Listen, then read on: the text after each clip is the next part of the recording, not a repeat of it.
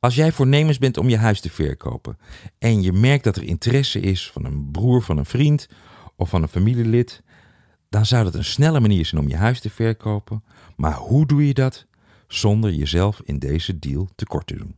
De Baas op de Woningmarkt podcast gaat over beter aankopen en succesvoller verkopen. Door niet maar af te wachten op wat er op de woningmarkt gebeurt, maar door juist zelf in actie te komen en initiatief te nemen. En om zo het aan- of verkoopresultaat positief te beïnvloeden. Kortom, door de baas op de woningmarkt te worden. Met makelaar in woongeluk Mark Theeuwissen. Kijk, in de huidige markt merk je gewoon dat kopers van allerlei manieren zoeken om toch achter die ene woning te komen die nog niet op funda komt. En het zou natuurlijk heel goed kunnen zijn dat vanuit hun sociale netwerken ze te horen krijgen dat jij voornemens bent om je huis te gaan verkopen. En dat heeft voor kopers natuurlijk het voordeel dat uh, ze een huis zien die nog niet op funda is, uh, dan niet bij bezichtiging achteraan de rij hoeven aan te sluiten en misschien ook niet helemaal anoniem zijn op het moment dat ze in een biedingsproces komen. Maar voor jou als verkoper heeft het ook een aantal voordelen. Je hoeft niet eh, je huis klaar te krijgen om op funda te zetten. Er hoeft geen fotograaf langs te komen.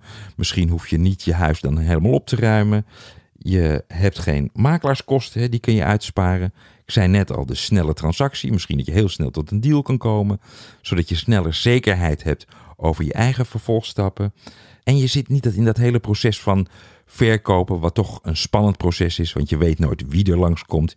Je weet nooit wat ze gaan bieden. En je weet nooit hoe een andere partij reageert op het moment dat je een tegenvoorstel doet. Kortom, je haalt ook een hele hoop onzekerheid uit je eigen verkoopproces. Maar er zitten ook een aantal risico's aan aan het verkopen aan een voor jou bekende of iemand uit je eigen sociale kring. En dat is dat in eerste instantie dat je natuurlijk je best moet doen. Je moet extra inspanning leveren om ook de relatie in stand te houden. Want er is ook zoiets als een sociale controle die dan in werking treedt. Dus je zal extra je best moeten doen om de relatie in de totale sociale netwerkkring goed te houden. Nou, hoe kan je nou gebruik maken van de voordelen om je huis voor de markt aan een bekende te verkopen, zonder de nadelen te omzeilen waarbij je je relatie in de waarschaal legt? Nou, daar heb ik drie tips voor je. De eerste tip gaat over hoe je de beste prijs krijgt voor alle partijen. Kijk, het kan natuurlijk heel goed zijn dat als een vriend of een nicht van je geïnteresseerd is om je huis te kopen, dat je dan de neiging voelt om ja, iets met de prijs te moeten doen of je minder hard op te stellen. Of je voelt externe druk. Hè, van, ah joh, weet je, dit is, uh, uh, dit is voor je nichtje. Je gaat niet moeilijk dopen doen over de laatste 100 euro voor je nichtje, toch? Kortom, je voelt een soort externe druk. En dan herloop je het risico dat je eigenlijk achteraf het gevoel hebt dat je misschien te veel hebt weggegeven. Nou, de oplossing die ik daarvoor heb is dat je als je besluit om je huis te verkopen aan een bekende, dat je gewoon afspreekt met deze persoon, laten wij samen een taxateur inschakelen en laat die de waarde van de woning bepalen.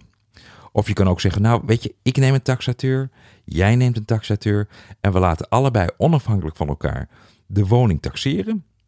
En we tellen die twee waarden op en delen door twee. En dan hebben we een mooie gemiddelde prijs van wat deze woning zou, waard moeten, zou moeten zijn. En dan kan je alsnog beslissen om het wel of niet te doen. Hè. Dit is een afspraak die je samen zou kunnen maken.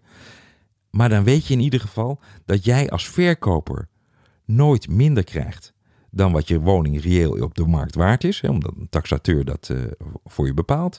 En de voor jou bekende koper uit je eigen sociale netwerk weet 100% zeker dat hem nooit het vel over de neus getrokken is en dat hij betaalt dat wat de woning reëel ook waard is. En op deze manier kan je je huis verkopen voor een prijs die voor alle partijen aantrekkelijk is. Het tweede waar je voor moet opletten is waken voor financiële goedgelovigheid. Het is natuurlijk zo dat als iemand in je eigen sociale netwerk uh, misschien interesse heeft, dat je dan misschien eerder geneigd bent om blind van vertrouwen te zijn. Of je voelt weer druk van, van een externe partij. Van, ah ja, dat zit helemaal goed joh, dat komt, komt helemaal goed. En dat je misschien helemaal niet het gevoel hebt dat je daar wat strenger op moet zijn. Of je voelt misschien gewoon de morele verplichting om iemand meer tijd te geven om dingen uit te zoeken of zijn financiën te regelen. En toch wil ik dat je daar voorzichtig mee bent. Want als het misgaat, als iemand zijn financiering dat toch niet rondkrijgt, dan is dat in eerste instantie natuurlijk zuur. Maar hou er ook rekening mee dat je op zoek moet naar een andere koper. En misschien ondertussen je beste marketingperiode van de verkoop van je huis verspeeld hebt. Daarom zeg ik van behandel een bekende koper net zoals je een onbekende koper eh, zou behandelen. En zeg tegen hem van ik vind het hartstikke fijn dat je uh, geïnteresseerd in mijn huis bent. Maar ga eerst naar een hypotheekadviseur. Ga eerst naar de bank, want ik kan pas een bieding accepteren op het moment dat jij financieel goed voorbereid bent. En daarmee help je meer dan dat je hem dwars zit.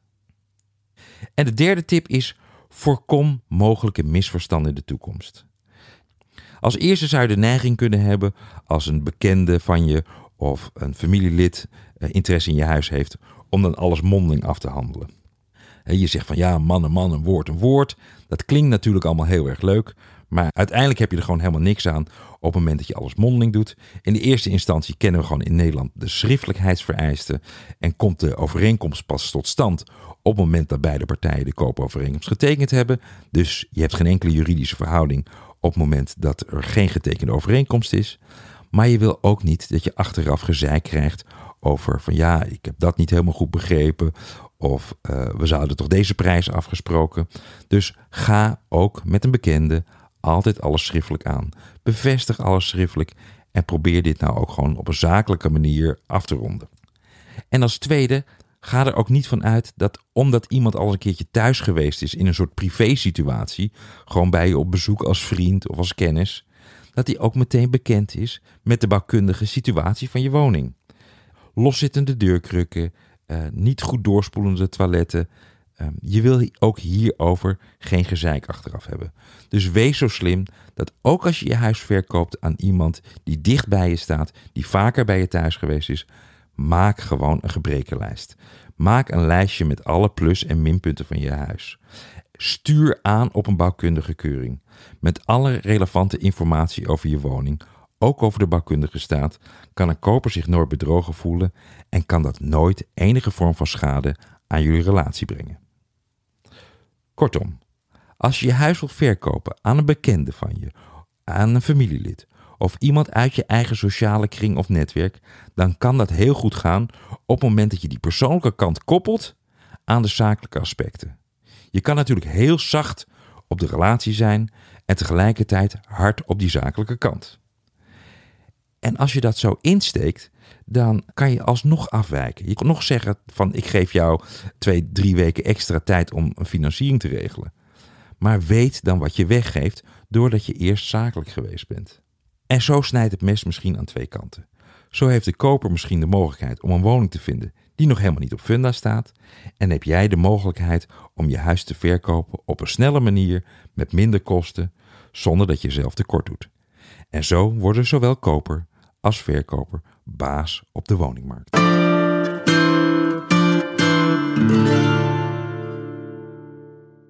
Nu de woningmarkt aan het kantelen is, is het tijd voor slimme verkopers om het heft weer in eigen hand te nemen. Om de juiste kijkers aan te trekken en van hen ook goede kopers te maken, heb je een doordachte marketingstrategie nodig met een onderscheidende presentatie. Je huis alleen maar even snel op funda zetten is niet langer voldoende. Mijn boek Je huis verkoop je zo is jouw ultieme gids om je woning succesvol te verkopen. Met een compleet stappenplan en waardevolle verkooptips en tricks van een makelaar met meer dan 20 jaar ervaring. Ontdek hoe jij jouw ideale doelgroep bereikt en daarmee je verkoopkansen vergroot. Leer hoe je een juiste vraagprijs bepaalt, een emotionele klik creëert tussen potentiële kopers en je huis en hoe je professioneel onderhandelt.